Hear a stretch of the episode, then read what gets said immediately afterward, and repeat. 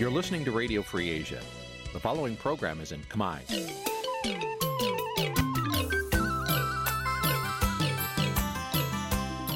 នេះជាកម្មវិធីផ្សាយ Vuthu Azizi Serai នេះជាកម្មវិធីផ្សាយរបស់ Vuthu Azizi Serai ជាភាសាខ្មែរ Vuthu Azizi Serai សូមស្វាគមន៍លោកអ្នកនាងទាំងអស់ពីរដ្ឋធានី Washington នៃសហរដ្ឋអាមេរិក ចាប់ពីរដ្ឋធានី Washington នាងខ្ញុំម៉ៅសុធានីសូមជម្រាបសួរលោកអ្នកស្ដាប់ទាំងអស់ជាទីមេត្រី ចាយើងខ្ញុំសូមជូនការផ្សាយសម្រាប់ព្រឹកថ្ងៃសុក្រ3កើតខែមិញឆ្នាំឆ្លូវត្រីស័កពុទ្ធសករាជ2565ហើយដល់ត្រូវនៅថ្ងៃទី4ខែកុម្ភៈគ្រិស្តសករាជ2022ជាដំបូងនេះសូមអញ្ជើញលោកដានៀងកញ្ញាស្ដាប់ព័ត៌មានប្រចាំថ្ងៃដែលមានមេត្តាដូចតទៅ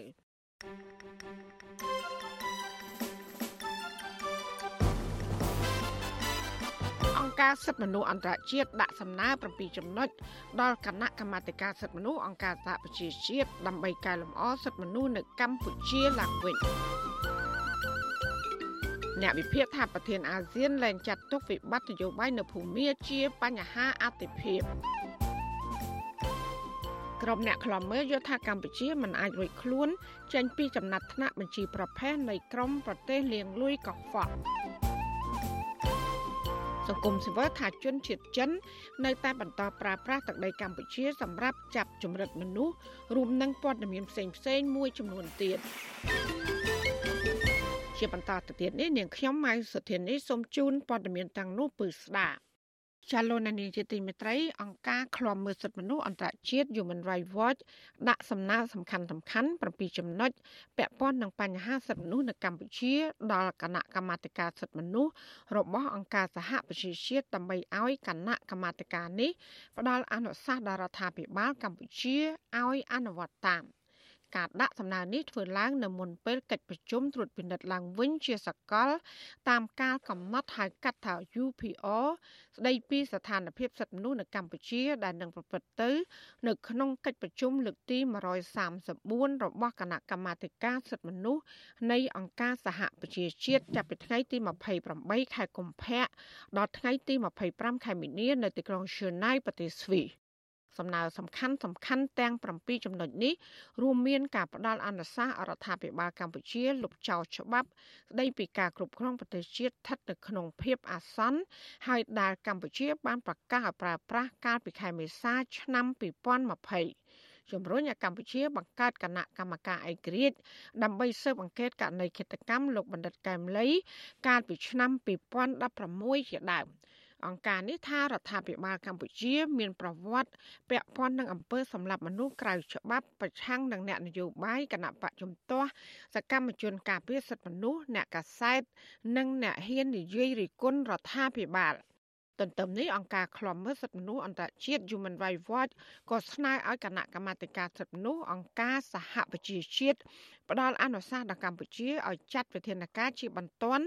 ដើម្បីកាត់បន្ថយភាពចង្អៀតណែននិងកែលម្អស្ថានភាពអាក្រក់នៅតាមមន្ទីរឃុំឃាំងនិងពន្ធនាគារទាំងអស់អង្គការនេះស្នើឲ្យគណៈកម្មាធិការសិទ្ធិមនុស្សរបស់អង្គការសហប្រជាជាតិ ទាមទារអរដ្ឋាភិបាលកម្ពុជាបើកការស៊ើបអង្កេតករណីស្លាប់របស់អ្នកកំពុងជាប់ឃុំ មានដូចជាករណីលោកតិតរ៉នលោកទុយស្រស់និងការចាប់ប្រកាន់ពីការប្រាស្រ័យអំពើទរណកម្មមកលើអ្នកជាប់ឃុំមួយចំនួនទៀតដូចជាករណីលោកនៅនឿនលោកហឹមគិរីនិងលោកអានរួនជាដើម ក្រៅពីនេះអង្គការឃ្លាំមើលសិទ្ធិមនុស្សអន្តរជាតិ Human Rights Watch ក៏បានលើកសំណើមួយចំនួនទៀតពាក់ព័ន្ធនឹងការរដ្ឋបិទសិទ្ធិសេរីភាពសេរីភាពនៃការបញ្ចេញមតិសេរីភាពការប្រមូលផ្ដុំព្រមទាំងសិទ្ធិបោះឆ្នោតនិងការចូលរួមក្នុងកិច្ចការនយោបាយ។ អង្គការនេះក៏បានស្នើដល់គណៈកម្មាធិការសិទ្ធិមនុស្សរបស់អង្គការសហប្រជាជាតិផ្ដល់អនុសាសន៍ដល់រដ្ឋាភិបាលកម្ពុជាឲ្យទម្លាក់ចោលនិងដោះលែងជាបន្ទាន់នឹងដែលឥតលក្ខខណ្ឌដល់រាល់អ្នកទោសនយោបាយនិងសកម្មជនទាំងអស់ អង្គការនេះថាគណៈកម្មាធិការសិទ្ធិមនុស្សរបស់អង្គការសហប្រជាជាតិគួរផ្ដល់អនុសាសន៍ដល់កម្ពុជាឲ្យបញ្ឈប់យុទ្ធនាការធ្វើទុកបុកម្នេញការចាប់ខ្លួនមនុស្សតាមទំនឹងចិត្តនិងអំពើវាយប្រហារមកលើសកម្មជន និងក្រុមអ្នកគាំទ្រគណៈបកប្រឆាំង អង្គការឃ្លាំមើលសិទ្ធិមនុស្សអន្តរជាតិក៏ចង់ឃើញគណៈកម្មាធិការសិទ្ធិមនុស្សនេះផ្ដល់អនុសាសន៍ដល់កម្ពុជាឲ្យលុបចោលវិសោធនកម្មច្បាប់ស្ដីពីគណៈបកនយោបាយដែលបានបើកផ្លូវរដ្ឋាភិបាលអាចរំលាយគណៈបកនយោបាយនិងហាមឃាត់មេដឹកនាំគណៈបកនយោបាយមិនឲ្យចូលរួមក្នុងសកម្មភាពនយោបាយជាដើម កាលពីដើមឆ្នាំ2019ក្នុងកិច្ចប្រជុំត្រួតពិនិត្យឡើងវិញជាសកលតាមការកំណត់រដ្ឋសមាជិករបស់អង្គការសហប្រជាជាតិចំនួន73បានផ្ដល់អនុសាសន៍សរុបជិត200អនុសាសន៍ដល់រដ្ឋាភិបាលកម្ពុជាឲ្យកែលម្អពាក់ព័ន្ធនឹងស្ថានភាពសិទ្ធិមនុស្សនៅកម្ពុជា។ជាការឆ្លើយតបកម្ពុជាបានប្រកាសទទួលយក173អនុសាសន៍ ហើយមិនទទួលយក25អនុសាសន៍ទៀតដោយគ្រាន់តែកត់សម្គាល់ប៉ុណ្ណោះក្រោមហេតុផលថាអនុសាសន៍ទាំងនេះគឺធ្វើឡើងក្រោមរូបភាពនិងមានរបៀបវិរៈនយោបាយជាជាងទស្សនវិជ្ជាបច្ចេកទេសទោះយ៉ាងណាស្ថានភាពសិទ្ធិមនុស្សនៅកម្ពុជានៅតែបន្តធ្លាក់ចុះរហូតមកដល់បច្ចុប្បន្នស្របពេលដែលរដ្ឋាភិបាលកម្ពុជា នៅតែបន្តយុទ្ធនាការធ្វើទុកបុកម្នេញជាប្រព័ន្ធមកលើសកម្មជនគណៈបច្ចុប្បន្នសកម្មជនសង្គម សកម្មជនបរិស្ថាននិងក្រុមអ្នកការពារសិទ្ធិមនុស្សក្នុងពេលដែលសិទ្ធិរបស់ប្រជាពលរដ្ឋនិងសិទ្ធិនយោបាយរងការរដ្ឋបិទគួរឲ្យកត់សម្គាល់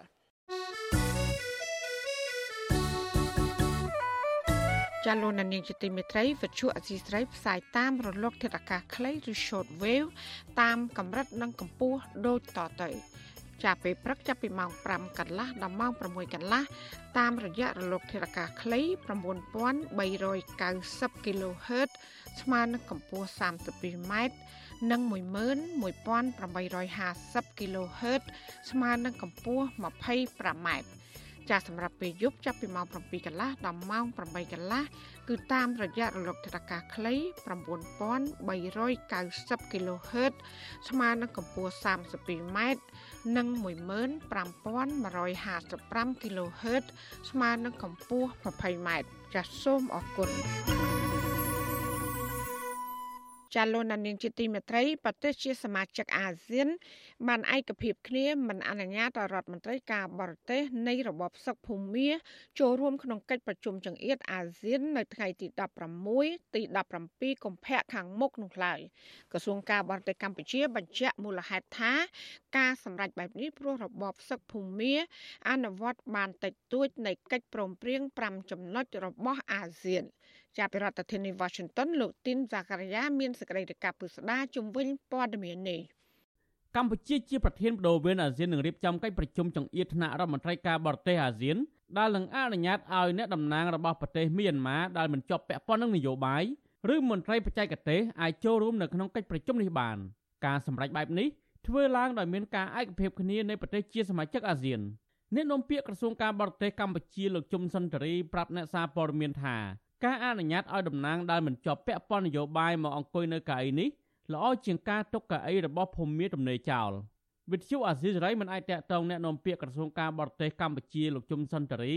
ដើម្បីសួរអំពីបញ្ហានេះបន្ថែមបានទេនៅថ្ងៃទី3កុម្ភៈនេះការសម្រេចមិនឲ្យតំណាងរបបសឹកចូលរួមក្នុងកិច្ចប្រជុំនេះធ្វើឡើងក្រោយពេលកម្ពុជាបានសម្ដែងក្តីបារម្ភពីការបន្តមានអំពើហិង្សានិងការធ្លាក់ចុះនៃស្ថានភាពមនុស្សធម៌នៅភូមាកាលពីថ្ងៃពុធទី2កុម្ភៈ អាស៊ានបានស្នើឲ្យគ្រប់ភាគីមីយ៉ាន់ម៉ាទាំងអស់ត្រូវបញ្ឈប់អំពើហិង្សា និងរក្សាភាពអត់ធ្មត់នៅវិភាគនយោបាយដែលកំពុងភៀសខ្លួននៅប្រទេសហ្វាំងឡុងលោកកឹមសុខយល់ថារដ្ឋជាសមាជិកអាស៊ាន បានបបាក់មុខលោកហ៊ុនសែនមិនឲ្យធ្វើអ្វីតាមទំនឹងចិត្តនោះទេទោះជាពេលនេះលោកហ៊ុនសែនជាប្រធានអាស៊ានក្តីលោកបន្តថានេះជាសញ្ញាបញ្ជាក់ថានៅពេលខាងមុខទោះជាលោកហ៊ុនសែនមានបំណងទាញមេដឹកនាំរបបផ្សឹកមានអង្លាំងឲ្យចូលរួមក្នុងកិច្ចប្រជុំអាស៊ានក៏ដោយក៏មិនអាចទៅរួចដែរ។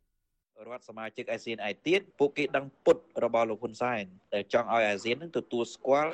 រដ្ឋាភិបាលរដ្ឋបហាមួយនៅភូមាក៏ប៉ុន្តែសមាជិកអាស៊ានផ្សេងទៀតគេដឹងច្បាស់អំពីល្បិចរបស់លោកហ៊ុនសែនហើយរុញឲ្យផែនការរបស់លោកហ៊ុនសែននឹងជួបបរាជ័យបាក់មុខដោយដែលយើងឃើញសពថ្ងៃអញ្ចឹង លោកហ៊ុនសែនត្រូវតែសម្រួលអរិយាប័ត្ររបស់ខ្លួនហើយបើមិនដូច្នោះទេ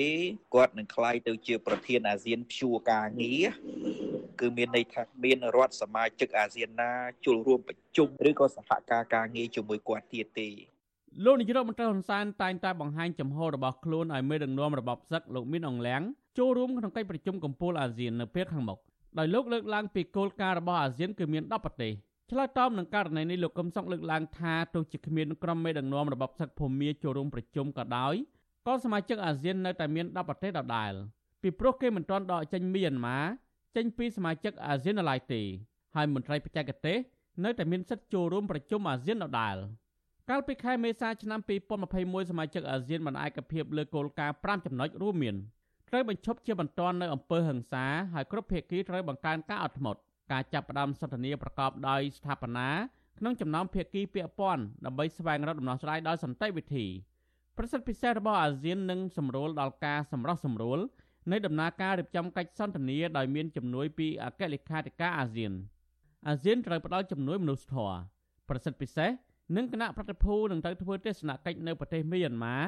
ដើម្បីជួបជាមួយភាគីពាក់ព័ន្ធទាំងអស់គោលការណ៍ទាំង5ចំណុចនេះមេដឹកនាំរបបសឹកមិនបានអនុវត្តនោះឡើយ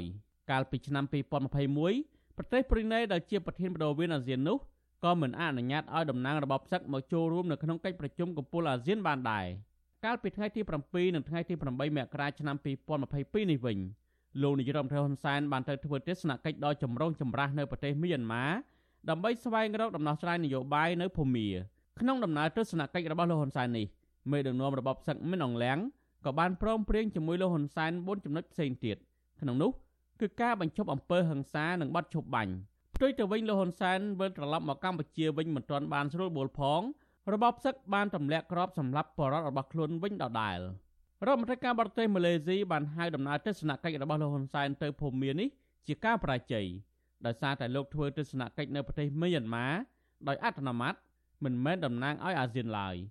មន្ត្រីជាន់ខ្ពស់គណៈបកសង្គ្រោះជាតិដែលកំពុងភៀសខ្លួននៅប្រទេសថៃលោកដួងចន្ទ្រាសង្កេតឃើញថាកន្លងមក លោកហ៊ុនសែនតែព្យាយាមអស់ទាញមេដឹកនាំរបបសឹកភូមាចូលរួមនៅក្នុងកិច្ចប្រជុំសំខាន់សំខាន់របស់អាស៊ានដែលករណីនេះធ្វើឲ្យប្រទេសជាសមាជិកអាស៊ានផ្សេងទៀតមិនសប្បាយចិត្តលោកយល់ថាការអនុញ្ញាតឲ្យតំណាងរបបសឹកមកចូលរួមនៅក្នុងកិច្ចប្រជុំព្រោះជាការដាក់សម្ពាធពីក្រុមប្រទេសជាសមាជិកអាស៊ានផ្សេងទៀតដែលប្រកាន់យកគោលការណ៍ប្រជាធិបតេយ្យ ចង់ទាញអស់ទាញជនអក្រិតជនហ្នឹងមកចូលរួមប្រជុំជាមួយអាស៊ានគឺវាជាអំពើមួយអាក្រក់បែបនេះថាលោកហ៊ុនសែនមានគំនិតដូចតែមីអងលៀងដូចគ្នាបាទមានគំនិតដូចគ្នាបានជាគាត់ចង់បានមេប្រណបៃការចូលរួមប្រជុំប៉ុន្តែឃើញថាអាស៊ានគេបដិសេធមិនអោយលោកហ៊ុនសែនយកបរិញ្ញជនបៃការមកចូលរួមប្រជុំនេះបាទរដ្ឋាភិបាលលោកហ៊ុនសែនដែលជាប្រធានបដូវវេនអាស៊ាន ធ្លាប់ខកខានរៀបចំកិច្ចប្រជុំថ្នាក់រដ្ឋមន្ត្រីការបរទេសអាស៊ានកាលពីថ្ងៃទី18 19ខែមករានៅឯខេត្តសៀមរាបម្ដងរួចមកហើយកាលនោះលោកហ៊ុនសែនព្យាយាមចង់ឲ្យមានតំណាងរបបសឹកមកចូលរួមនៅកិច្ចប្រជុំនេះដែរមន្ត្រីការបរទេសកម្ពុជាបានបកស្រាយថាការលើកពេលកិច្ចប្រជុំកាលពីខែមករានោះព្រោះមានការលំបាកក្នុងការធ្វើដំណើរមកចូលរួមក្នុងកិច្ចប្រជុំនិងថារដ្ឋមន្ត្រីខ្លះមានធរៈការងារបន្ទាន់ដែលមិនអាចមកចូលរួមកិច្ចប្រជុំនេះបាន ទោះជាយ៉ាងណាក្តីក្រុមអ្នកខ្លំមើលកិច្ចការអន្តរជាតិលើកឡើងថាការលើកហេតុផលរបស់កម្ពុជានេះមិនសមរម្យនោះឡើយបញ្ហានេះរដ្ឋមន្ត្រីការបរទេសម៉ាឡេស៊ីលោកសៃហ្វូទីនអាប់តុលឡោះលើកឡើងថាមូលហេតុចម្បងដែលកម្ពុជាខកខានមិនបានរៀបចំកិច្ចប្រជុំថ្នាក់រដ្ឋមន្ត្រីអាស៊ានកាលពីខែមករានោះគឺដោយសារតែរដ្ឋមន្ត្រីការបរទេសអាស៊ានមួយចំនួនមិនពេញចិត្តចំពោះដំណើរទស្សនកិច្ចលោកហ៊ុនសែនទៅភូមាដោយអត្តនោម័តខ្ញុំទីនសាការីយ៉ាអសិរ័យប្រធានីវ៉ាស៊ីនតោន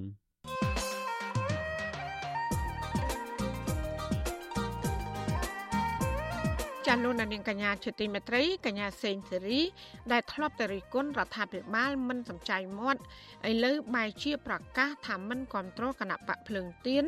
ដែលជាគណៈបកប្រឆាំងកំពុងមានប្រជាប្រិយភាពទៅវិញ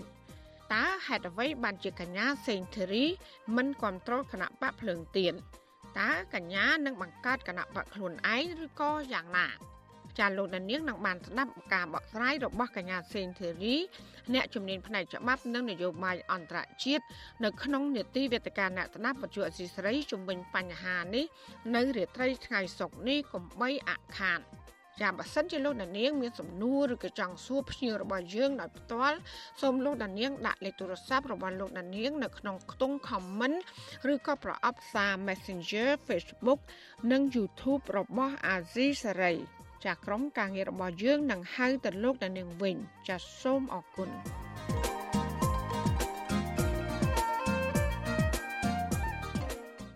ចាលោកនាងកញ្ញាកំពុងស្ដាប់ការផ្សាយរបស់វិទ្យុអាស៊ីស្រីផ្សាយចេញពីរដ្ឋធានី Washington ក្រុមអ្នកខ្លំមើលនៅមិនទាន់ទុកចិត្តទាំងស្រុងថាកម្ពុជាអាចត្រូវអង្គការពិភពលោកខ្លំមើលអំពើលាងលុយកខ្វក់ដកចេញឈ្មោះពីបញ្ជីប្រភេទនៃក្រុមប្រទេសមានហានិភ័យខ្ពស់ខាងអំពើលាងលុយកខ្វក់នោះឡើយតើមូលហេតុអ្វីបានជាពួកគេអះអាងយ៉ាងដូចនេះចាសសូមលោកដានៀងកញ្ញារងចាំស្ដាប់សេចក្តីរាយការណ៍ពុស្ដាអំពីរឿងនេះនៅក្នុងការផ្សាយរបស់យើងនាពេលបន្តិចទៀតនេះ thank you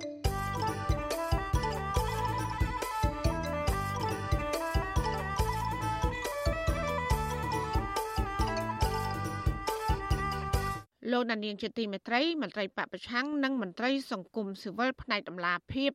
លើកឡើងថាអគ្គមេបញ្ជាការរងនៃកងយុទ្ធពលខេមរៈភូមិន្ទ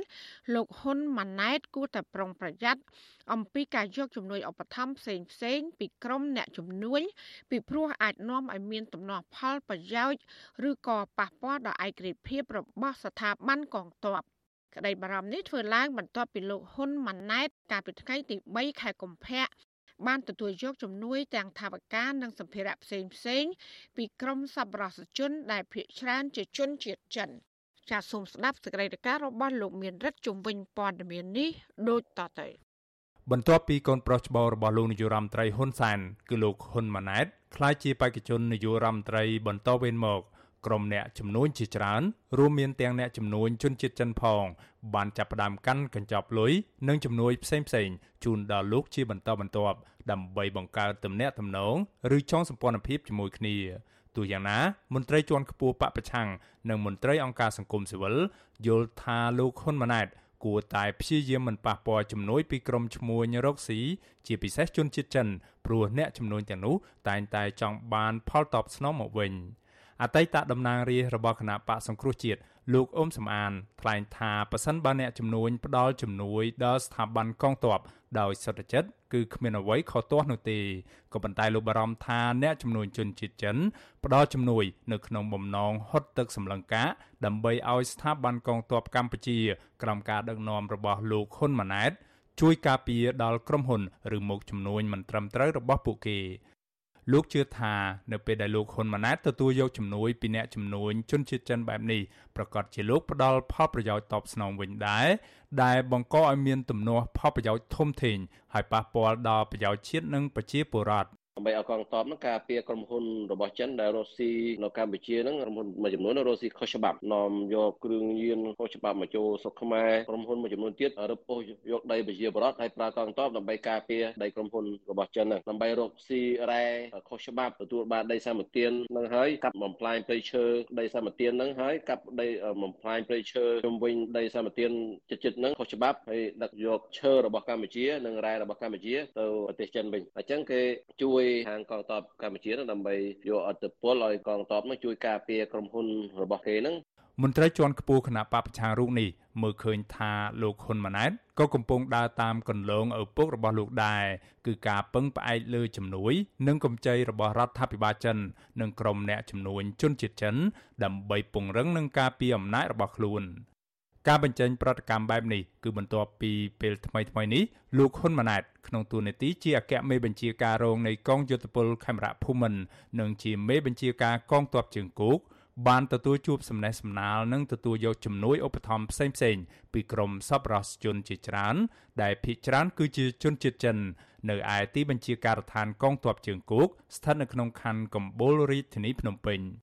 កាសែតក្នុងស្រុកចុះផ្សាយនៅថ្ងៃទី2ខែកុម្ភៈថានៅក្នុងជំនួបនោះក៏មានការចូលរួមពីទីប្រឹក្សាពាណិជ្ជកម្មនិងសេដ្ឋកិច្ចនៃស្ថានទូតចិនប្រចាំកម្ពុជា និងសមាគមអ្នកវិនិយោគចិននៅកម្ពុជាផងដែរក្នុងពិធីនោះលោកហ៊ុនម៉ាណែតដែលពាក់ឯកសណ្ឋានជាកងទ័ព បានថ្លែងអំណរគុណចំពោះសប្បុរសជនទាំងនោះដែលបានចូលរួមចំណែកឧបត្ថម្ភថវិកា និងបរិខាប្រយុទ្ធប្រឆាំងនឹងជំងឺ Covid-19 ដល់កងទ័ពជើងគោកនិងសមាគមគ្រូពេទ្យស្ម័គ្រចិត្តយុវជនសម្ដេចតេជោដែលដឹកនាំដោយភរិយារបស់លោកគឺអ្នកស្រីពេជ្រច័ន្ទមនីទោះជាយ៉ាងណាលោកមិនបានបញ្ជាក់អំពីទំហំថវិកាទាំងនោះនោះទេ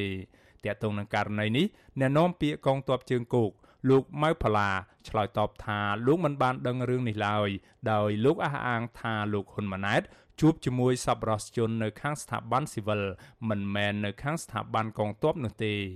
អូរឿងហ្នឹងគឺនិយាយរួមគឺខ្ញុំមិនអាចជូនព័ត៌មាននេះបានដោយសារចំណេញរបស់ខ្ញុំខ្ញុំក្រាប់បានតែពីរឿងការងារយោធាទេហើយដល់រឿងជំនួយរឿងអីនេះគឺខ្ញុំក្រាប់អត់បានដល់ចឹងខ្ញុំអត់ហ៊ាននិយាយសុំទោសខ្ញុំអត់ដឹងផងរបស់ខ្ញុំមិនដែលដឹងតែគាត់ជួបនៅកន្លែងណាផង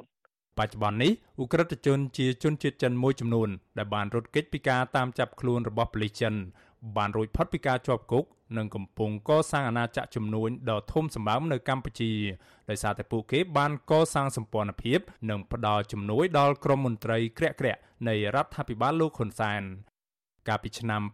2019ក្រសួងរដ្ឋាភិបាលអាមេរិកបានប្រើប្រាស់ច្បាប់ Global Magnitsky Act ដាក់ទណ្ឌកម្មបង្កកទ្រព្យសម្បត្តិអនុប្រធានទី1នៃគណៈកម្មាធិការជាតិគ្រប់គ្រងគ្រោះមហន្តរាយលោកគុនគឹមនិងសមាជិកគ្រួសារ3នាក់ទៀតក្រសួងរដ្ឋាភិបាលអាមេរិករកឃើញថាលោកគុនគឹមដែលជានាយឧត្តមសេនីយ៍ជាន់ខ្ពស់នៃកងយោធពលខេមរៈភូមិន្ទ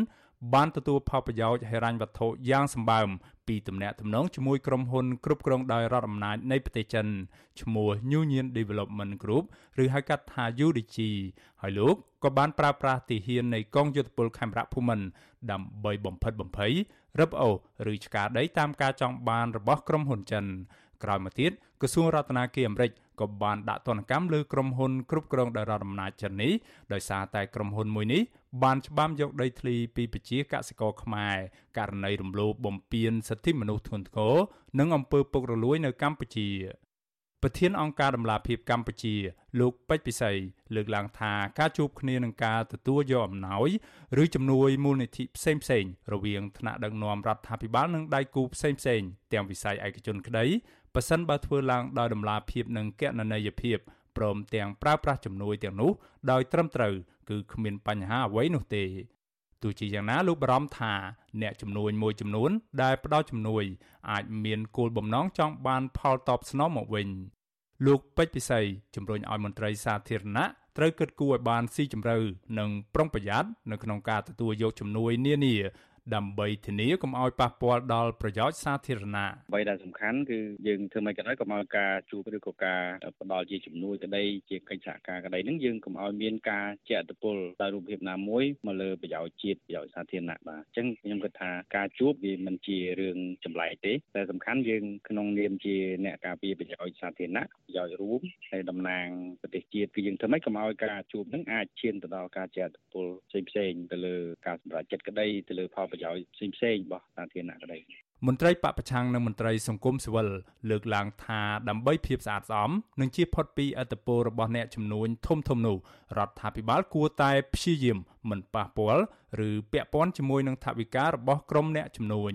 ជាមួយគ្នានេះរដ្ឋាភិបាលត្រូវខិតខំលុបបំបាត់អំពើពុករលួយ ហើយពង្រឹងសេដ្ឋកិច្ចនិងរៀនរស់ដោយខ្លួនឯងម្យ៉ាងវិញទៀត កម្ពុជាគួរតែបង្កើតច្បាប់ស្តីពីហិរញ្ញវត្ថុនយោបាយដែលកំណត់ថាតើជំនួយបែបណា ឬកម្រិតណា ដែលមន្ត្រីសាធារណៈអាចទទួលយកបាន ឬមិនអាចទទួលយកបានខ្ញុំបាទមេរិត Visual C ស្រីរាយការណ៍ពីរដ្ឋធានី Washington លោកដានៀងកញ្ញាកំពុងស្ដាប់ការផ្សាយរបស់វិទ្យុអាស៊ីស្រីផ្សាយចេញពីរដ្ឋធានី Washington ចាពាក់ព័ន្ធនឹងរឿងជនជាតិចិននៅកម្ពុជានេះក្រមអក្រិតជនជនជាតិចិន នៅតែបន្តយកទឹកដីកម្ពុជាធ្វើសកម្មភាពចាប់បង្ខាំងមនុស្សដើម្បីចម្រិតទារប្រាក់ប្រើអាវុធហោះច្បាប់បាញ់សម្លាប់ជនរងគ្រោះកប់ចូលទៅក្នុងដីជាដើមសង្គមស៊ីវិលលើកឡើងថាទង្វើប្រៃផ្សៃបែបនេះមកពីរដ្ឋាភិបាលកម្ពុជា អនុវត្តច្បាប់ធូររលុងក្នុងការគ្រប់គ្រងជនអន្តោប្រវេសន៍ ចាសសេចក្តីរាយការណ៍ពីស្ដាមពីរឿងនេះលោកណានៀងក៏នឹងបានស្ដាប់នាពេលបន្តិចទៀតនេះចាសសូមអរគុណ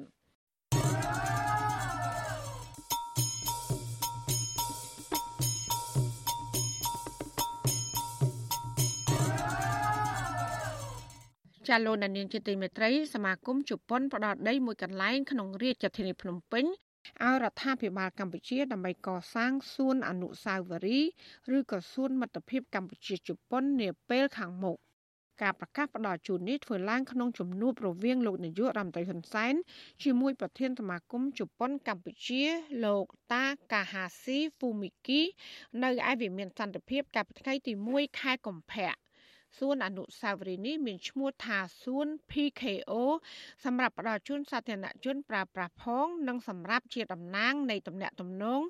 រវាងកម្ពុជានិងជប៉ុនផងក្នុងជំនួបនោះដែរលោកតាកាហាស៊ីហ្វូមីគីក៏បានអបអរសាទរដល់កម្ពុជាអនុញ្ញាតឲ្យក្រុមគណៈប្រតិភូវិនិយោគនៃសហគ្រាសធុនតូចនិងមធ្យមរបស់ជប៉ុន មកកាន់កម្ពុជានៅខែមេសាខាងមុខ លោកក៏បានថ្នាក់សុំឲ្យលោកហ៊ុនសែនពិនិត្យលទ្ធភាពលើការដោះស្រាយបញ្ហាទឹកជំនន់នៅស្ទឹងប្រេតថ្នោត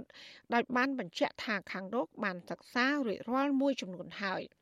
ចំណែកឯខាងភាគីកម្ពុជាវិញលោកហ៊ុនសែនគាំទ្រចំពោះគំនិតផ្ដួចផ្ដើមទាំងនេះនឹងបានណែនាំឲ្យមន្ត្រីរបស់លោកសហការសម្រាប់សម្រួលការងារនេះជាមួយរដ្ឋមន្ត្រីក្រសួងធនធានទឹកនិងអូតូនិយមហើយនិងស្ថាប័នពាក់ព័ន្ធដទៃទៀតដើម្បីអនុញ្ញាតឲ្យគណៈប្រតិភូបានធ្វើបទបង្ហាញពាក់ព័ន្ធនឹងគម្រោងស្ដារនិងកសាងហេដ្ឋារចនាសម្ព័ន្ធឡើងវិញ។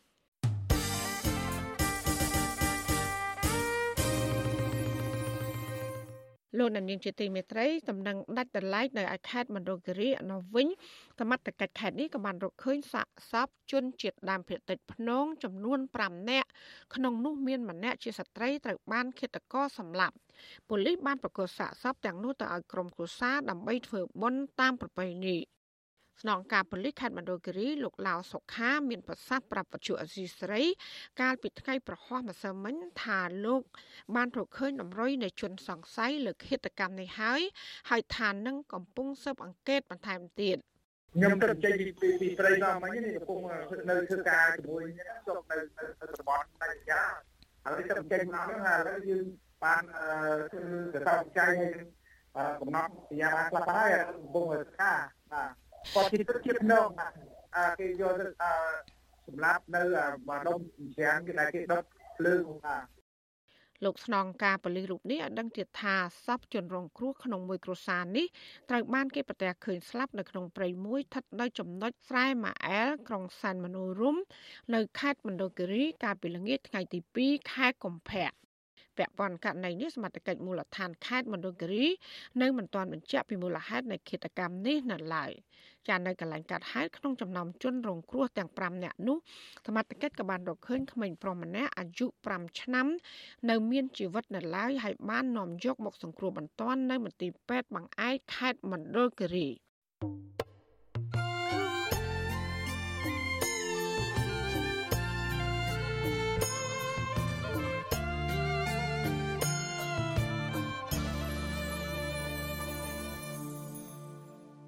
ចាលោកនាងជាទីមេត្រីអតីតមេឃុំជាប់ឆ្នោតជាស្ត្រីម្នាក់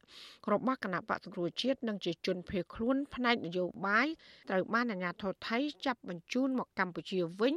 ហើយ បច្ចុប្បន្នកំពុងជាប់ឃុំក្នុងពន្ធនាគារប្រៃសណចាអ្នកស្រីឡាញ់ថាវរីសុកចិត្តជាប់ពន្ធនាគារដោយមិនព្រមចុះចូលជាមួយនឹងគណៈបកកាន់អំណាចនោះឡើយតើមេឃុំជាប់ឆ្នោតរបស់គណៈបកសង្គ្រោះជាតិរូបនេះមានប្រវត្តិតស៊ូយ៉ាងណាខ្លះ ចាសសូមលោកនាងកញ្ញារងចាំស្ដាប់សេចក្តីរាយការណ៍ពុស្ដាអំពីជីវប្រវត្តិសង្ខេបនិងការតស៊ូរបស់អ្នកស្រីនាពេលបន្តិចទៀតនេះចាសសូមអរគុណ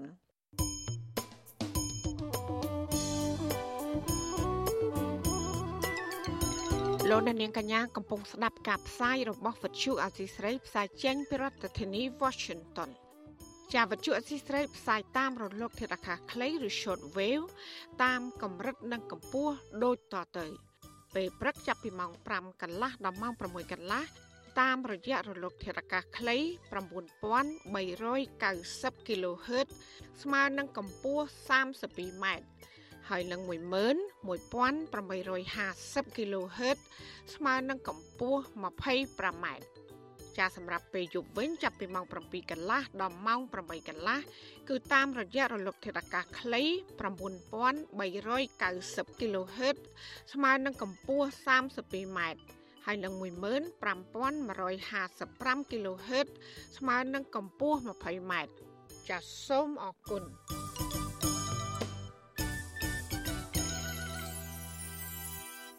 លោកដានៀងជាទីមេត្រីក្រុមអ្នកខ្លាំមើលនៅមិនទាន់មានទំនុកចិត្តទាំងស្រុងថាកម្ពុជាអាចត្រូវអង្គការពិភពលោកខ្លាំមើលអំពើលាងលុយកខ្វក់ដកឈ្មោះចេញពីបញ្ជីប្រភេទនៃក្រុមប្រទេសមានហានិភ័យខ្ពស់ខាងអំពើលាងលុយកខ្វក់នោះឡើយ។ ពួកគេលើកទឹកចិត្តដល់កម្ពុជាឲ្យបន្តចាត់វិធានការពិតប្រាកដប្រឆាំងនឹងអំពើលាងលុយកខ្វក់ដោយត្រួតពិនិត្យឲ្យបានច្បាស់លាស់ពីប្រភព នៃលំហូរទុនវិនិយោគរបស់បរទេសជាពិសេសគឺពីប្រទេសកុម្មុយនីសចិន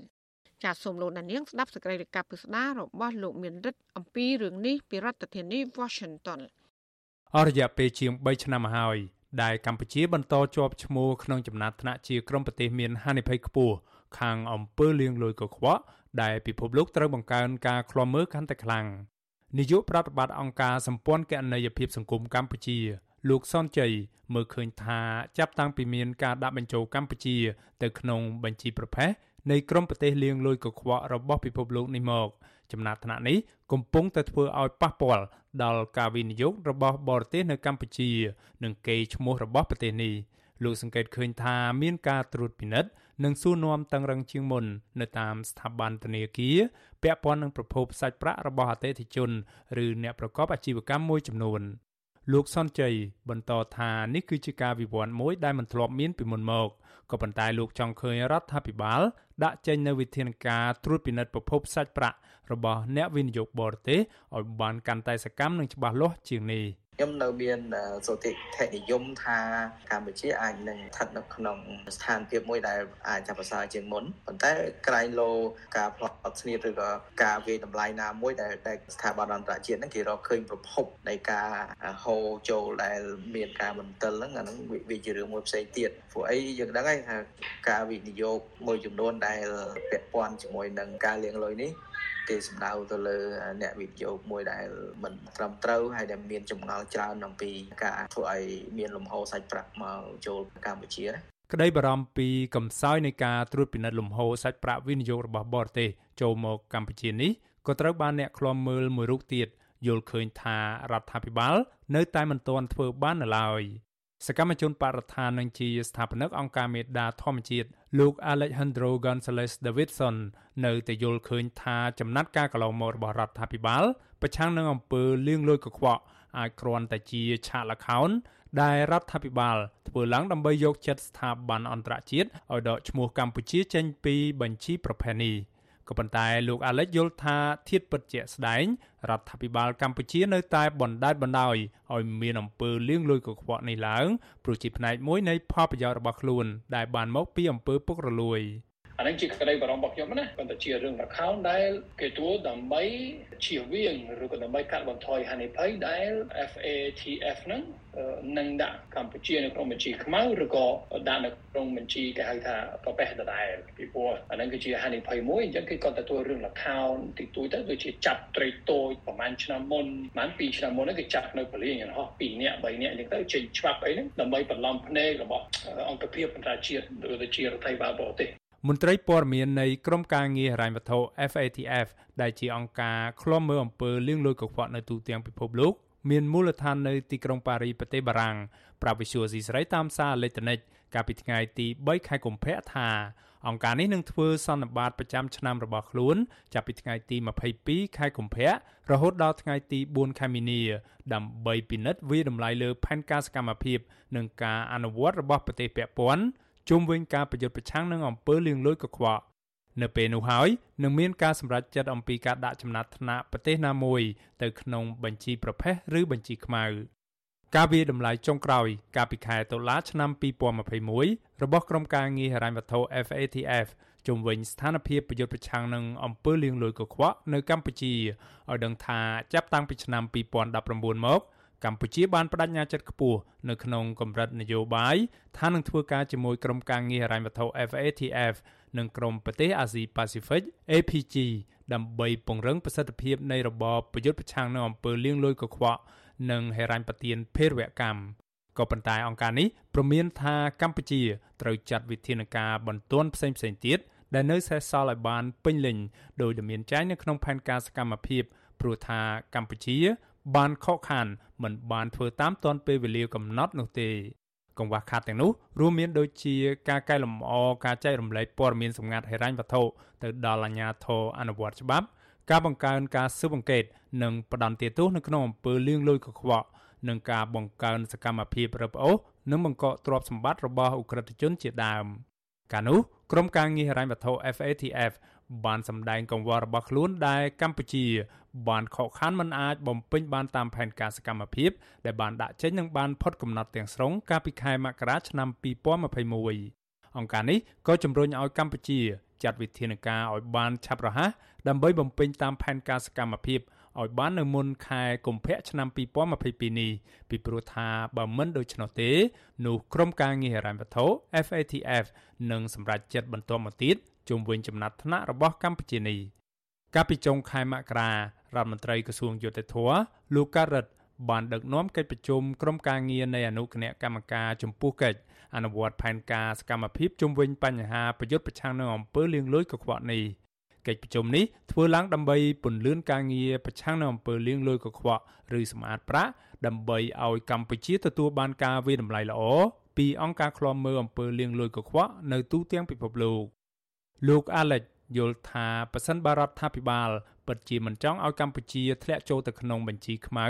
នៃក្រុមប្រទេសលាងលុយកខ្វក់មែននោះនោះកម្ពុជាត្រូវចាត់វិធានការកាត់បន្ថយទំនាក់ទំនងមិនល្អជាមួយក្រុមអ្នកវិនិយោគមកពីប្រភពមិនច្បាស់លាស់ដូចជាប្រទេសចិនជាដើមលោកយល់ថាការកើនឡើងនៃទំហំវិនិយោគបរទេសរបស់ប្រទេសចិនមកក្នុងប្រទេសកម្ពុជានារយៈពេលចុងក្រោយនេះជាពិសេសក្នុងវិស័យអចលនទ្រព្យ អាចជាប់ពាក់ព័ន្ធនឹងអំពើលាងលុយកខ្វក់ខ្ញុំគាត់ថាប្រកាសថាពាក់ព័ន្ធលុយមកពីចិនតែមួយចំនួនធំនឹងឆ្លងតាមរដ្ឋាភិបាលចិនមានន័យថាឆ្លងតាមគណបកកុម្មុយនីសចិនដែលជាគណបកប្រពុតអំពើពុករលួយជាប្រព័ន្ធបពពួកមិនប្រជាធិបតេយ្យប្រជាការជាបកនយោបាយខុសខើមកពេលដែលលុយលក្ខណៈរាប់ពាន់លានដុល្លារក្នុងមួយឆ្នាំមួយឆ្នាំមកដល់ប្រទេសកម្ពុជាគឺមិនមែនត្រឹមរឿងការរំលោភសិទ្ធិមនុស្សនិងរឿងបំផ្លិចបំផ្លាញបរិស្ថាន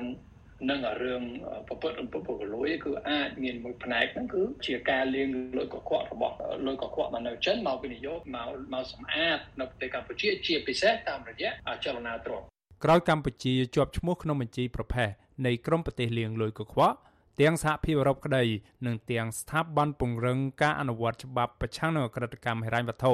ឬហៅកាត់ថា FinCEN របស់សហរដ្ឋអាមេរិកក្តីក៏សុទ្ធតែបានដាក់បញ្ចូលកម្ពុជា ទៅក្នុងបញ្ជីឃ្លាំមើលរបស់ខ្លួនដែលតម្រូវឲ្យស្ថាប័នពាក់ព័ន្ធត្រូវតែបង្កើនការឃ្លាំមើលចំពោះប្រភពលុយចេញចូលប្រទេសកម្ពុជាលើពីនេះទៀតកាលពីចុងឆ្នាំ2021សហរដ្ឋអាមេរិកក៏បានណែនាំដល់ក្រុមហ៊ុន និងវិនិយោគិនជនជាតិអាមេរិកកាំងទាំងអស់ឲ្យប្រុងប្រយ័ត្នមុននឹងមកវិនិយោគលើវិស័យហានិភ័យមួយចំនួននៅកម្ពុជា ជាពិសេសវិស័យហិរញ្ញវត្ថុអចលនទ្រព្យកាស៊ីណូនិងហេដ្ឋារចនាសម្ព័ន្ធ ព្រមទាំងវិស័យកម្មនសាល និងឈើហូបជាដើមព្រោះថាវិស័យទាំងនោះអាចជាប់ពាក់ព័ន្ធនឹងអំពើរំលោភសិទ្ធិមនុស្សនិងសកម្មភាពឧក្រិដ្ឋឬអំពើពុករលួយខ្ញុំបាទមេរិត Visual C ស្រីរាយការណ៍ពីរដ្ឋធានី Washington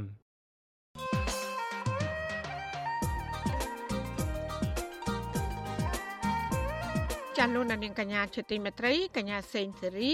ដែលធ្លាប់តែរិះគន់រដ្ឋាភិបាលមិនសំចៃមាត់ឥឡូវបែរជាប្រកាសថាមិនគ្រប់គ្រងគណៈបកភ្លើងទៀនដែលជាគណៈបកប្រឆាំងកំពុងមានប្រជាប្រិយភាពទៅវិញតើហេតុអ្វីបានជាកញ្ញាសេងសេរី មិនគ្រប់គ្រងគណៈបកភ្លើងទៀនតើកញ្ញានឹងបង្កើតគណៈបកខ្លួនឯងឬក៏យ៉ាងណា ចាលោកដានៀងនឹងបានស្ដាប់ការបកស្រាយរបស់កញ្ញាសេងធីរីអ្នកជំនាញផ្នែកច្បាប់និងនយោបាយអន្តរជាតិនៅក្នុងនេតិវេទិកាអ្នកស្ដាប់បច្ចុប្បន្នអសីស្រីជំវិញបញ្ហានេះនៅរាត្រីថ្ងៃសុក្រនេះកុំបីអខានចាបើសិនជាលោកដានៀងមានសំណួរឬក៏ចង់សួរភ្ញៀវរបស់យើងដោយផ្ទាល់សូមលោកដានៀងដាក់លេខទូរស័ព្ទរបស់លោកដានៀងនៅក្នុងខ្ទង់ comment ឬក៏ប្រអប់សារ Messenger Facebook និង YouTube របស់ Azizi Saray ចាក្រុមការងាររបស់យើងនឹងហៅទៅលោកដានាងវិញចាសូមអរគុណ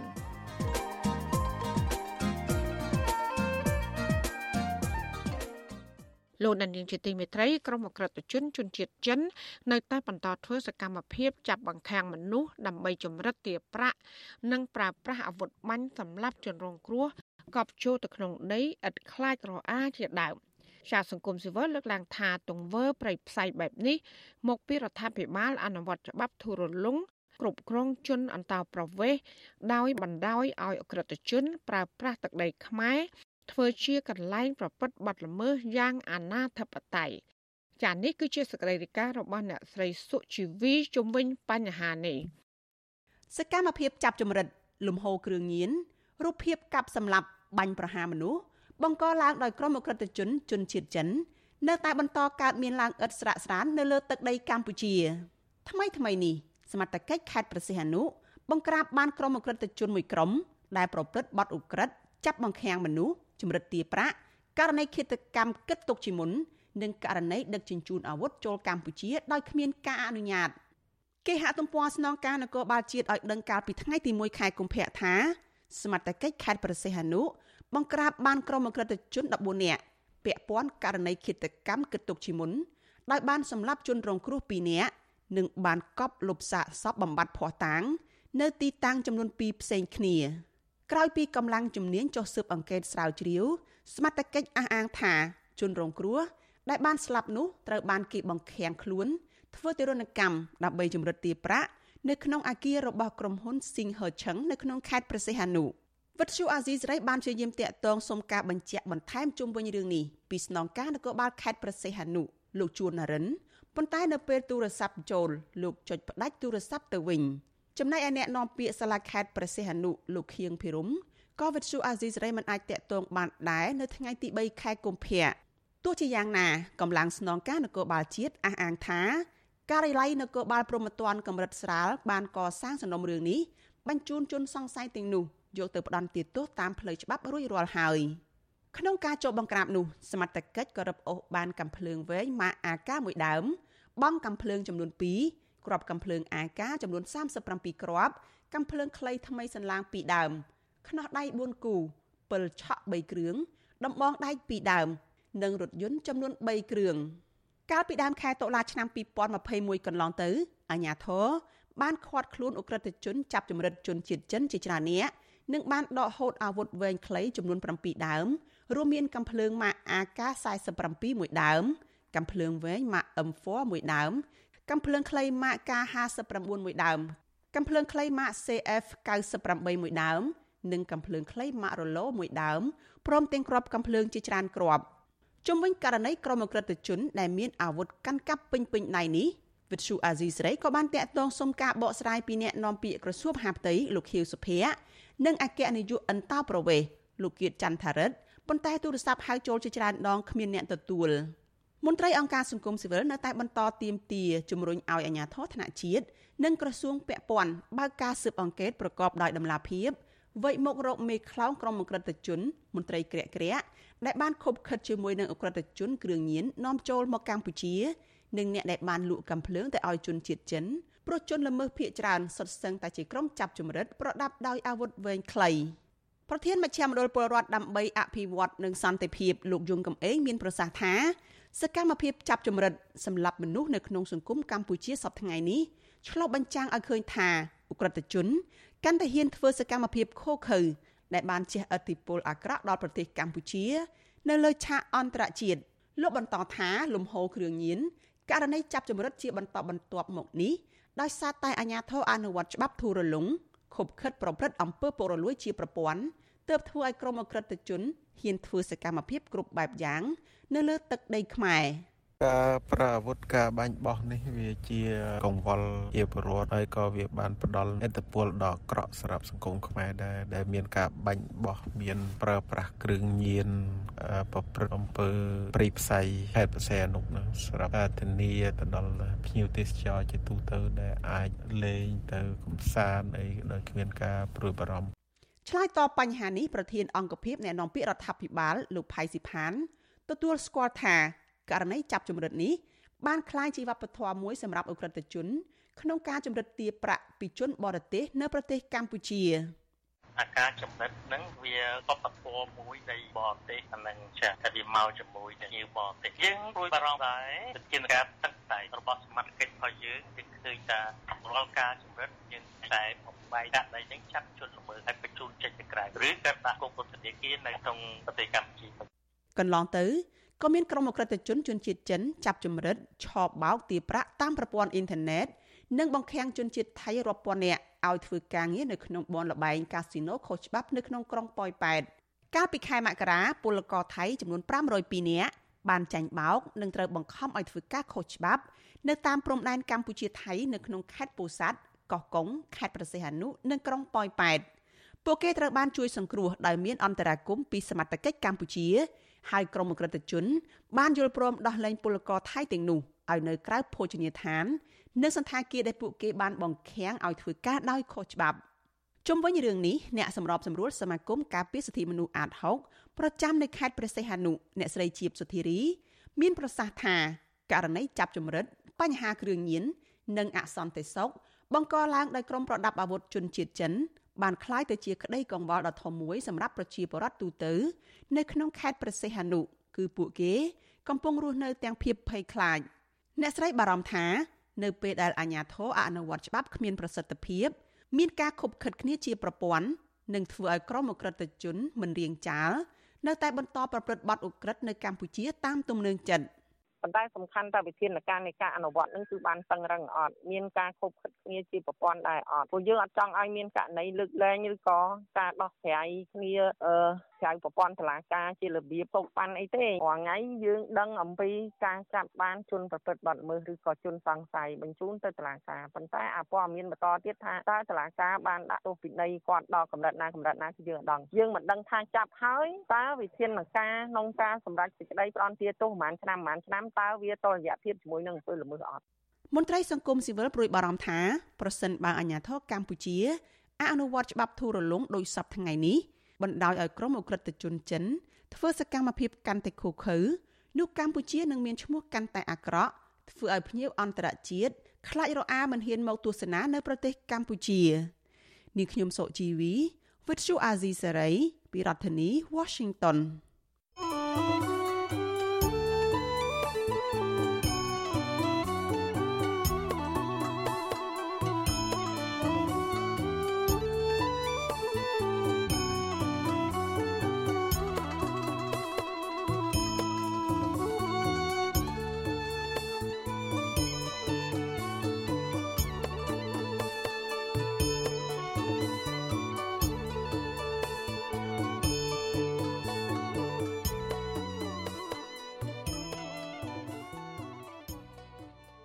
លោកដានីលជាទីមេត្រីអតីតមេឃុំជាប់ឆ្នោតជាស្ត្រីម្នាក់របស់គណៈបកសង្គ្រោះជាតិនិងជាជនភៀសខ្លួនផ្នែកនយោបាយត្រូវបានអាជ្ញាធរថៃចាប់បញ្ជូនមកកម្ពុជាវិញ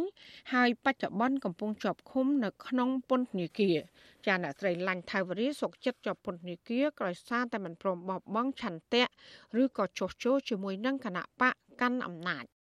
ចានៅមុនពេលជាប់ឃុំទោះស្ថិតនៅក្នុងស្ថានភាពជនភៀសខ្លួននៅប្រទេសថៃក៏ដោយក៏មន្ត្រីបពប្រឆាំងរូបនេះមិនបានប្តេជ្ញាផ្ដួលនឹងស្ថានភាពឬក៏តក់ស្លុតប៉ុន្តែផ្ទុយទៅវិញ អ្នកស្រីបានបង្កើនសកម្មភាពយ៉ាងខ្លាំងក្លាក្នុងការអូសទាញកម្មករឲ្យចូលរួមឈឺឆ្អាលក្នុងរឿងប្រទេសជាតិតើមេឃុំជាប់ឆ្នោតរូបនេះមានប្រវត្តិតស៊ូយ៉ាងណាខ្លះ ចាសសូមលោកនាងស្ដាប់សេចក្តីរាយការណ៍របស់លោកសេកបណ្ឌិតជុំវិញជីវប្រវត្តិសង្ខេបនិងការតស៊ូរបស់អ្នកស្រីដូចតទៅ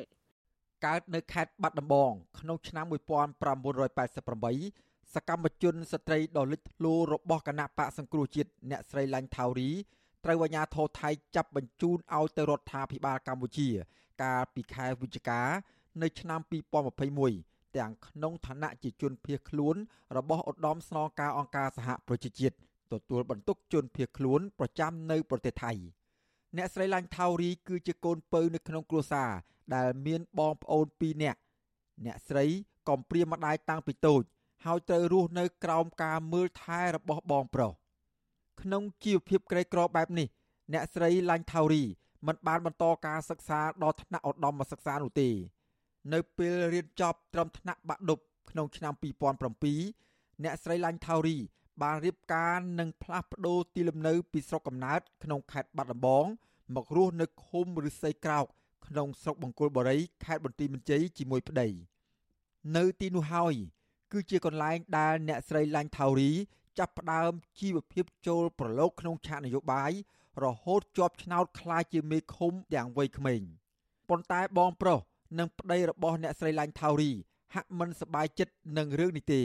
ព្រោះពួកគាត់បារម្ភអំពីសុវត្ថិភាពរបស់អ្នកស្រី ក្នុងនាមជាអ្នកនយោបាយបកប្រឆាំងមិត្តរួមអាជីពម្នាក់គឺសមាជិកក្រុមប្រឹក្សាជាប់ឆ្នោតគណៈបកសង្គ្រោះជាតិនៅសង្កាត់ប៉ោយប៉ែតខេត្តបន្ទាយមានជ័យលោកឆាំសុផាន់ប្រាប់បទសុអាស៊ីសេរីថា អ្នកស្រីឡាញ់ថាវរីជាសកម្មជនដែលមានប្រជាប្រិយភាពខ្លាំងសម្រាប់ពលរដ្ឋនៅក្នុងមូលដ្ឋាន លោកបន្តថាអ្នកស្រីឡាញ់ថាវរីទើបតែចាប់ផ្ដើមប្រឡូកនយោបាយជាមួយនឹងគណៈបកសង្គ្រោះជាតិមិនយូរប៉ុន្មានទេក៏អាចដណ្ដើមបានតំណែងមេឃុំឬសីក្រៅភ្លាមលោកអះអាងថា មន្ត្រីគណៈបកកណ្ដាលអំណាចនៅខេត្តបន្ទាយមានជ័យបានព្យាយាមលបងអ្នកស្រីឲ្យចុះចូលជាច្រើនដងហើយទាំងនៅមុនការរំលែកគណៈបកប្រឆាំងទាំងក្រោយការរំលែកគណៈបកប្រឆាំងនិងរហូតដល់ពេលអ្នកស្រីភៀសខ្លួនទៅកាន់ប្រទេសថៃ ក៏នៅតែមានបណ្ដាញរបស់គណៈបកកណ្ដាលអំណាចតាមបញ្ចុះបញ្ចូលអ្នកស្រីឲ្យចុះចូលដែរនៅថៃគាត់ប្រឹងប្រែងដែររឿងញ៉ាត់រឿងអីណារឿងចុះញ៉ាត់ចុះអីគាត់តែងតែជួយស្នះស្នែងជួយរហូតគាត់ដល់ទាំងពឹងគេពេកគាត់លក់មិនថានៅខ្មែរនៅថៃក៏ដូចឆន្ទៈគាត់នៅតែបងប្រុសរបស់អ្នកស្រីឡាញ់ថាវរី ដែលជាអ្នកផ្ចុងផ្ដើមការរៀនសូត្រនិងផ្គត់ផ្គង់ជីវភាពរស់នៅរបស់អ្នកស្រីតាំងពីតូចគឺលោកឡាញ់ឋាននិយាយថា លោកមិនដែលគិតថាប្អូនស្រីមានសមត្ថភាពខ្ពស់និងមានឆន្ទៈមោះមុតបែបនេះទេលោកឡាញ់ឋានហាងថាលោកចាប់ផ្ដើមខ្វល់ខ្វាយតាំងពីថ្ងៃដែលប្អូនស្រីជាប់ឆ្នោត ហើយលោកបានព្យាយាមស្នើឲ្យប្អូនស្រីដកខ្លួនពីនយោបាយបកប្រឆាំងឬចូលរួមជាមួយនឹងគណៈបកកណ្ដាលអំណាចវិញ តែប្អូនស្រីគាត់មិនព្រមនិងបែរជាភៀសខ្លួនចេញទៅក្រៅប្រទេសតាមឆន្ទៈរបស់ខ្លួន។ គាត់ថាគាត់ដើម្បីសិលឹកឆ្នោតជាពលរដ្ឋគាត់ត្រូវតែតាមមេគាត់គាត់មិនបាត់ឆន្ទៈគាត់និយាយប្រាប់ខ្ញុំអញ្ចឹងណាគាត់អត់ចោះចូលទេខ្ញុំក៏ប្រហើផ្លូវមួយខ្ញុំថាបើសិនជាស្រឡាញ់វិជាពលរដ្ឋឆន្ទៈទោះចូលខាងបកកណ្ណាក៏នៅតែគ្រប់គ្រងក្នុងគុំនឹងដែរបើចូលមកដឹកនាំគុំឲ្យតឡទៅនឹងវិជាពលរដ្ឋបាយចិត្តដែរធ្វើមិនឲ្យមានការអភិវឌ្ឍក្នុងគុំក្នុងអីអញ្ចឹងទៅហើយសំខាន់ណាស់បានជួបប្តីប្រពន្ធកូននៅនឹងជាមួយគ្នារហូតគាត់ថាគាត់អត់ទោះយ៉ាងណាសម្រាប់លោកឡាញ់ឋាន មិនបានបន្ទោសប្អូនស្រីទេ ថែមទាំងការពៀសកម្មភាពប្អូនស្រី ថាអ្វីដែលអ្នកស្រីឡាញ់ថាវរីធ្វើមិនមែនជាការចូលរួមគំនិតក្បត់ទេ តែជាការបញ្ចេញមតិក្នុងសង្គមប្រជាធិបតេយ្យនិងស្របតាមរដ្ឋធម្មនុញ្ញលោកស្នើសុំឲ្យរដ្ឋាភិបាលនិងតុលាការទម្លាក់បទចោទហើយដោះលែងអ្នកស្រីឡាញ់ថាវរីឲ្យមានសេរីភាពនិងអាចធ្វើសកម្មភាពក្នុងប្រទេសដោយសេរីឡើងវិញ។ តែសម្រាប់ទឹកចិត្តនោះបើថាខឹងខឹងរដ្ឋាភិបាលតែខឹងមិនដឹងតាបានអីមកវិញខឹងខឹងដល់ថាគ្រាន់តែការគ្រប់ត្រូលមួយហេតុអីបានចាំចាប់ភូមិខៀងមកថ្នាក់ហ្នឹងបើសិនជាមនុស្សល្អត្រឹមត្រូវពិតប្រាកដមិនខ្វល់ពីពាក្យសម្ដីតែគេថាដោយវាពេលពលបរមគ្រូអញ្ចឹងទោះមានផ្សាយយ៉ាងណាព្រះអង្គនៅតែភាវនានៅតែសមាធិធម្មតាជាមនុស្សស្មោះតស្មោះត្រង់ពិតប្រាកដជាមនុស្សត្រឹមត្រូវតែពេលគាត់អត់ទេគាត់ថាបើសិនប្រឆាំងគាត់ក៏ចាប់ មេឃុំរស័យក្រោកជាប់ឆ្នោតនៃស្រុកមង្គលបុរីខេត្តបន្ទាយមានជ័យអ្នកស្រីឡាញ់ថាវរី បានភៀសខ្លួនទៅរស់នៅក្នុងប្រទេសថៃជាង4ឆ្នាំ ចាប់តាំងពីតុលាការរំលែកគណៈបកសង្គ្រោះជាតិនៅឆ្នាំ2017មកឧត្តមស្នងការអង្គការសហប្រជាជាតិទទួលបន្ទុកជនភៀសខ្លួនប្រចាំនៅប្រទេសថៃបានផ្ដល់ឋានៈឲ្យអ្នកស្រី ជាជនភៀសខ្លួនផ្នែកនយោបាយដែលត្រូវបានការពារដោយអង្គការសហប្រជាជាតិនិងរដ្ឋាភិបាលដែលពាក់ព័ន្ធ។ ដំបូងអ្នកស្រីភៀសខ្លួនទៅរស់នៅក្នុងទីក្រុងបាងកកតែក្នុងរយៈពេលខ្លីប៉ុណ្ណោះអ្នកស្រីបានបដូរមករស់នៅជាយដែនជាប់ខ្មែរក្នុងខេត្តស្រះកែវវិញព្រោះអ្នកស្រីចង់ចូលរួមសកម្មភាពប្រមូលស្នាមមេដាយពលករនិងចុះជួបពលករដើម្បីជជែកអំពីសិទ្ធិនិងស្ថានភាពប្រទេសជាតិអ្នកស្រីបានបដូរទៅរស់នៅកន្លែងដែលមានពលករច្រើននេះនៅអំឡុងឆ្នាំ2019អ្នកស្នាក់នៅក្បែរគ្នាម្នាក់ ជាសមាជិកក្រុមប្រឹក្សាជាប់ឆ្នោតនៅក្រុងកំពង់ចាមខេត្តកំពង់ចាមនៃគណៈបកសង្គ្រោះជាតិនិងជាជនភៀសខ្លួនដែរនោះ គឺអ្នកស្រីគឹមស្រីអូន ប្រាប់បទសុអាស៊ីសេរីថា អ្នកស្រីឡាញ់ថាវរី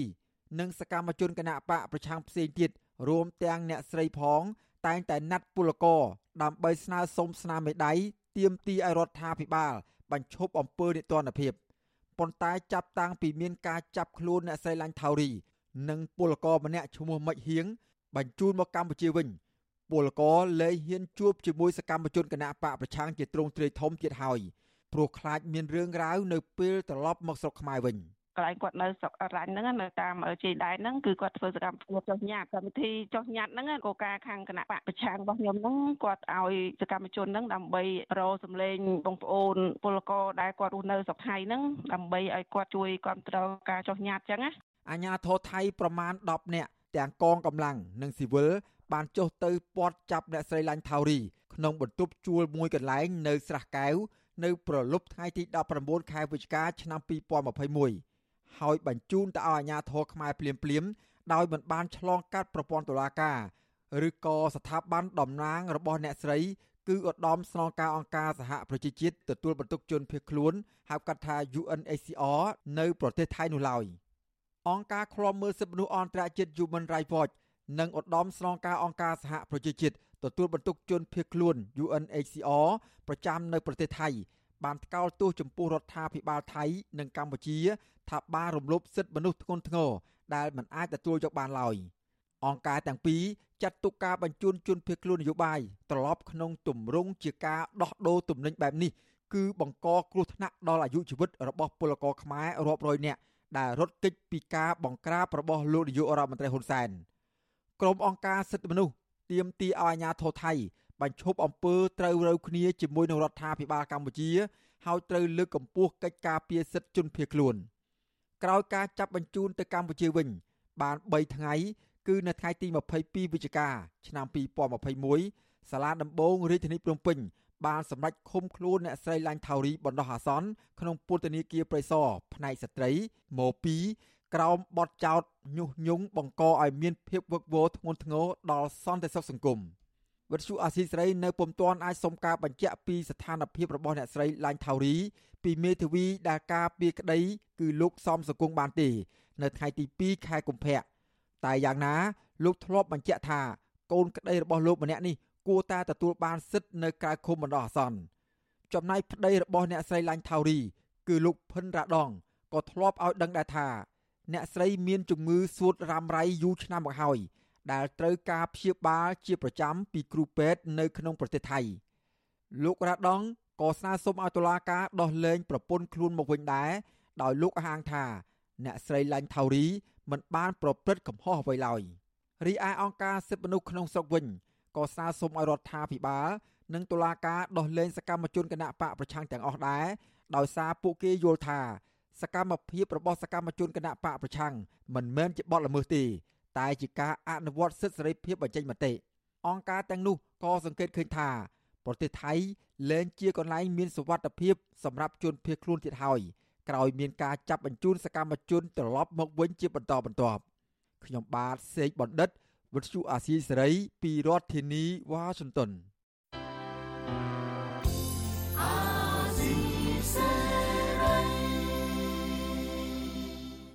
ចាលោកលានាងកញ្ញាអ្នកស្ដាប់ជាទីមេត្រីការផ្សាយរយៈពេល1ម៉ោងរបស់វិទ្យុអាស៊ីស្រីជាភាសាខ្មែរនៅពេលនេះចាប់តែប៉ុណ្ណេះចាយើងខ្ញុំទាំងអស់គ្នាសូមជូនពរលោកលានាងនិងក្រុមគ្រួសារទាំងអស់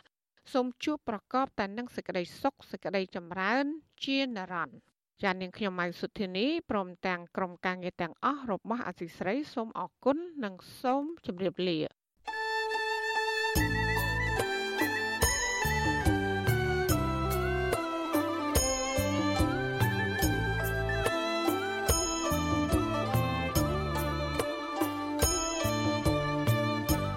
វិទ្យុអេស៊ីសេរីផ្សាយតាមរលក ធាតុអាកាសខ្លី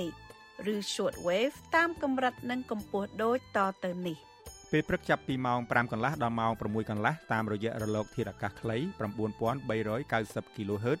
ស្មើនឹងកម្ពស់ 32m និង11850 kHz ស្មើនឹងកម្ពស់ 25m ពេលយប់ចាប់ពីម៉ោង7កន្លះដល់ម៉ោង8កន្លះតាមរយៈរលកធាតុអាកាសខ្លី9390 kHz ស្មើនឹងកម្ពស់ 32m